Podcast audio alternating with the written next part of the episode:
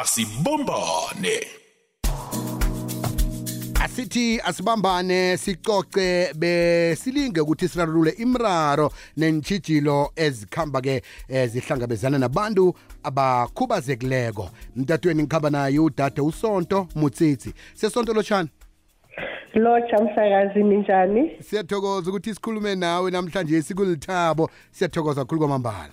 Ngiyathokoza nami msakazi ngiyathokoza ngibona usebenzela i-imeta foundation ngiba usitshele ngayo? Eh, i-IMETA Foundation is a non-profit organization esebenza ngabantu kakhulu umsebenzi esibhekane nawo kakhulu abantu esithi banokukhubazeka kodwa lokho okuhlukile kakhulu kuloko abanye abantu lokukhubazeka lokho ukuthi khubazeka kokufunda. Sokuthi umntwana akakhona ukufunda kahle esikolweni kuba kuba nzima.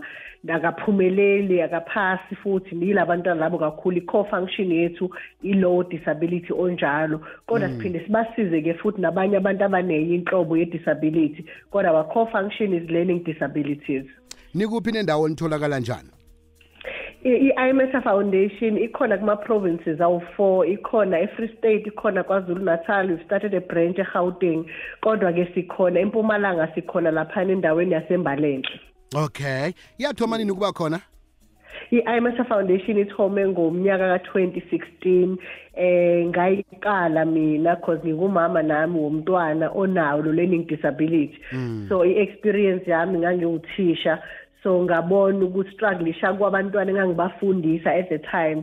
Ngaphinde ngabona nowami futhi umntwana going through the same thing. So ngazibuza ukuthi abazali uma bexakekile baya kuphi? Ngoba lokhu kukhubazeke singakujwayelanga thina abantu sisuke sibathethisa abantwana sibatshela ukuthi abazami abasebenzi kanzima. Kanti umntwana ngempela uxakekile.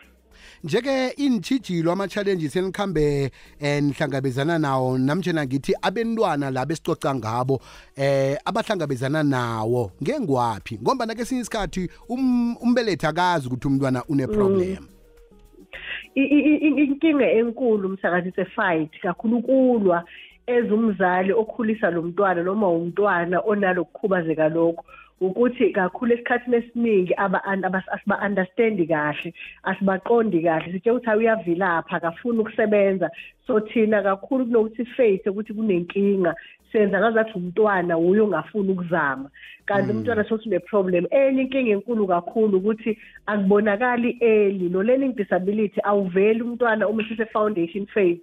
Uqala ukubonakala kahle umntwana esefunda e-intermediate phase eqala ugrade four. Kwesinye isikhathi kusuke soku-late lokho kwenza umntwana agcine engasasithandi isikolo engabaweni lokuvuka ekuseni ahamba esikoleni akhale. Manithi hambani yenza umsebenzi wesikolo akhale. Kanti uyazi ukuthi ingqondo yakhe ayikhophi aka-understandi noma efundiswa uthisha.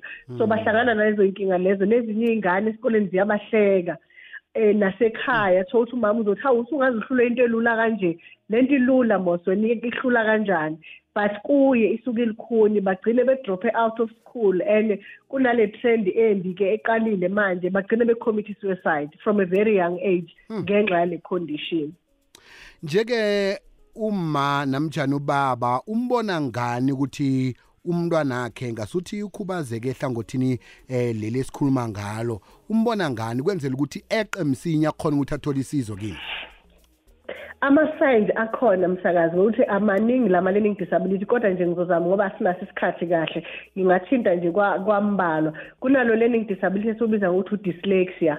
Yila bantwana laba esithi banenkinga yokufunda nokubhala. So uma umntwana wakho uthi umnikeze iphepha uthi akongifundele la akakwazi ukufunda. Mothi akongibhalele la uyakhala noma uyazonda. Mothi nje akaqala eze umsebenzi wesikole uyagijima aphumele phandle akhale. Kufanele ukutshele wena ezumzali ukuthi khona into engekho wrong engekho right lapho. Then uzama ukusondela umsize. Nokuthi abantwana bethu esikhathini esiningi abakwazi nokupronounce ama-letters kahle ba-identifya ngaloku ukuthi mhlawumbe kunokuthi athi ngifunda ugrade um one uzothi mina ngifunda ugrade one. So nalokho kuyakutshela ukuthi ekungenzeka kunenkinga. Nama-letters ubu no-d uyamphambanisa. Akakwazi ukuthi ubu usebenza kuphi ud usebenza kuphi. Bese siba nalo learning disability siu-dyscalculia u-dyscalculia. Yila bantwana abahlula i-math concept. Noma ungamsiza kangakanani when it comes to maths ibrain yakhe ayikwazi uku-understanda ukuthi kwenzakalani. Then sibe nalabantwana esithi banodysgraphia abomiss babashaye babathethise kuthiwa wena ubhala kabi buka into oyibhalile ayifundeki. Kanti umntwana une-learning disorder edinga ukuthi umntwana asizakale kuye. So there are different types of learning disabilities but because of time namhlanje ngicela ukuthinta nje lawo amathathu. Mhm. Sesonto ke eh, umuntu obona ngasuthi uyalithoga isizo leli namtjana umntwana wakhe uyalithoga isizo leli eh fana thola iattention unithola njani ke mhlambe kunenomboro zomtato eninazo namtjana kune website angangena kiyo namtjana email address angakhona ukuthi anithole kiyo? Yes sina i-email address eh angangithola kuyo mina it's imeta foundation 1 at gmail.com imeta foundation 1 at gmail.com noma si angas inboxa ku Facebook page yethu i-imeta foundation. Mhm. Or angithinte mina personally ngiyathanda nje ukusiza abazali. I think sebaningi nje sebakwazi ukungicontact ngasizana nabo.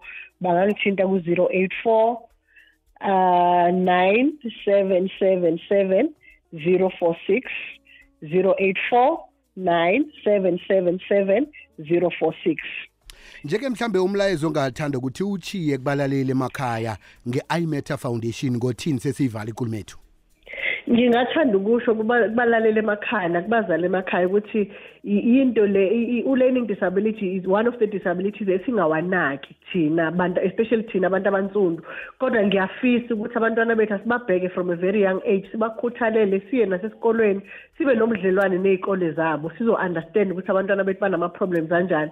But uma sixakekile imeta foundation akukho la ingafisi ukufika khona msakazi. Uma nje nisimema nithi sicela nize imeta nizosifundisela abazali we are more than willing ukuthi sikwenze lokho. Wozani imeta nizofundisa abothisha ngoba nabothisha bafundisekile ngama-learning disabilities. So we are more than willing to come siba-assiste ngalokho. Ngiba ukuthi sibakhumbuze inomboro zomtato ne-email address enitholakala kiyo.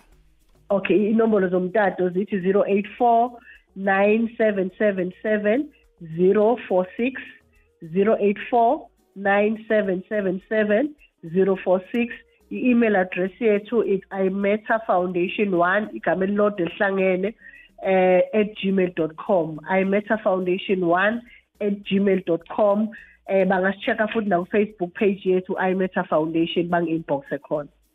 Sesonto sithokoze khulu komambala niragele phambili ngemsebenzi emihle eniyenzakwa ngitsho ngiyathokoza kakhulu msakazi nabalaleli. Sithokoze khulu kumambala ebekade sikhulumisana naye. Ngudade usonto mutsitsi we-imeta foundation. Ngiyathemba bona udobhadobhile kwenzela ukuthi-ke umntwana akhe asizeke nawe nekhibe mhlambe umuntu one-disorder le akhulume ngayo khona ukuthi umthinde kwenzela ukuthi-ke ukhona ukuthola isizo ngendlela efaneleko. Siyathokoza. Asibumbane.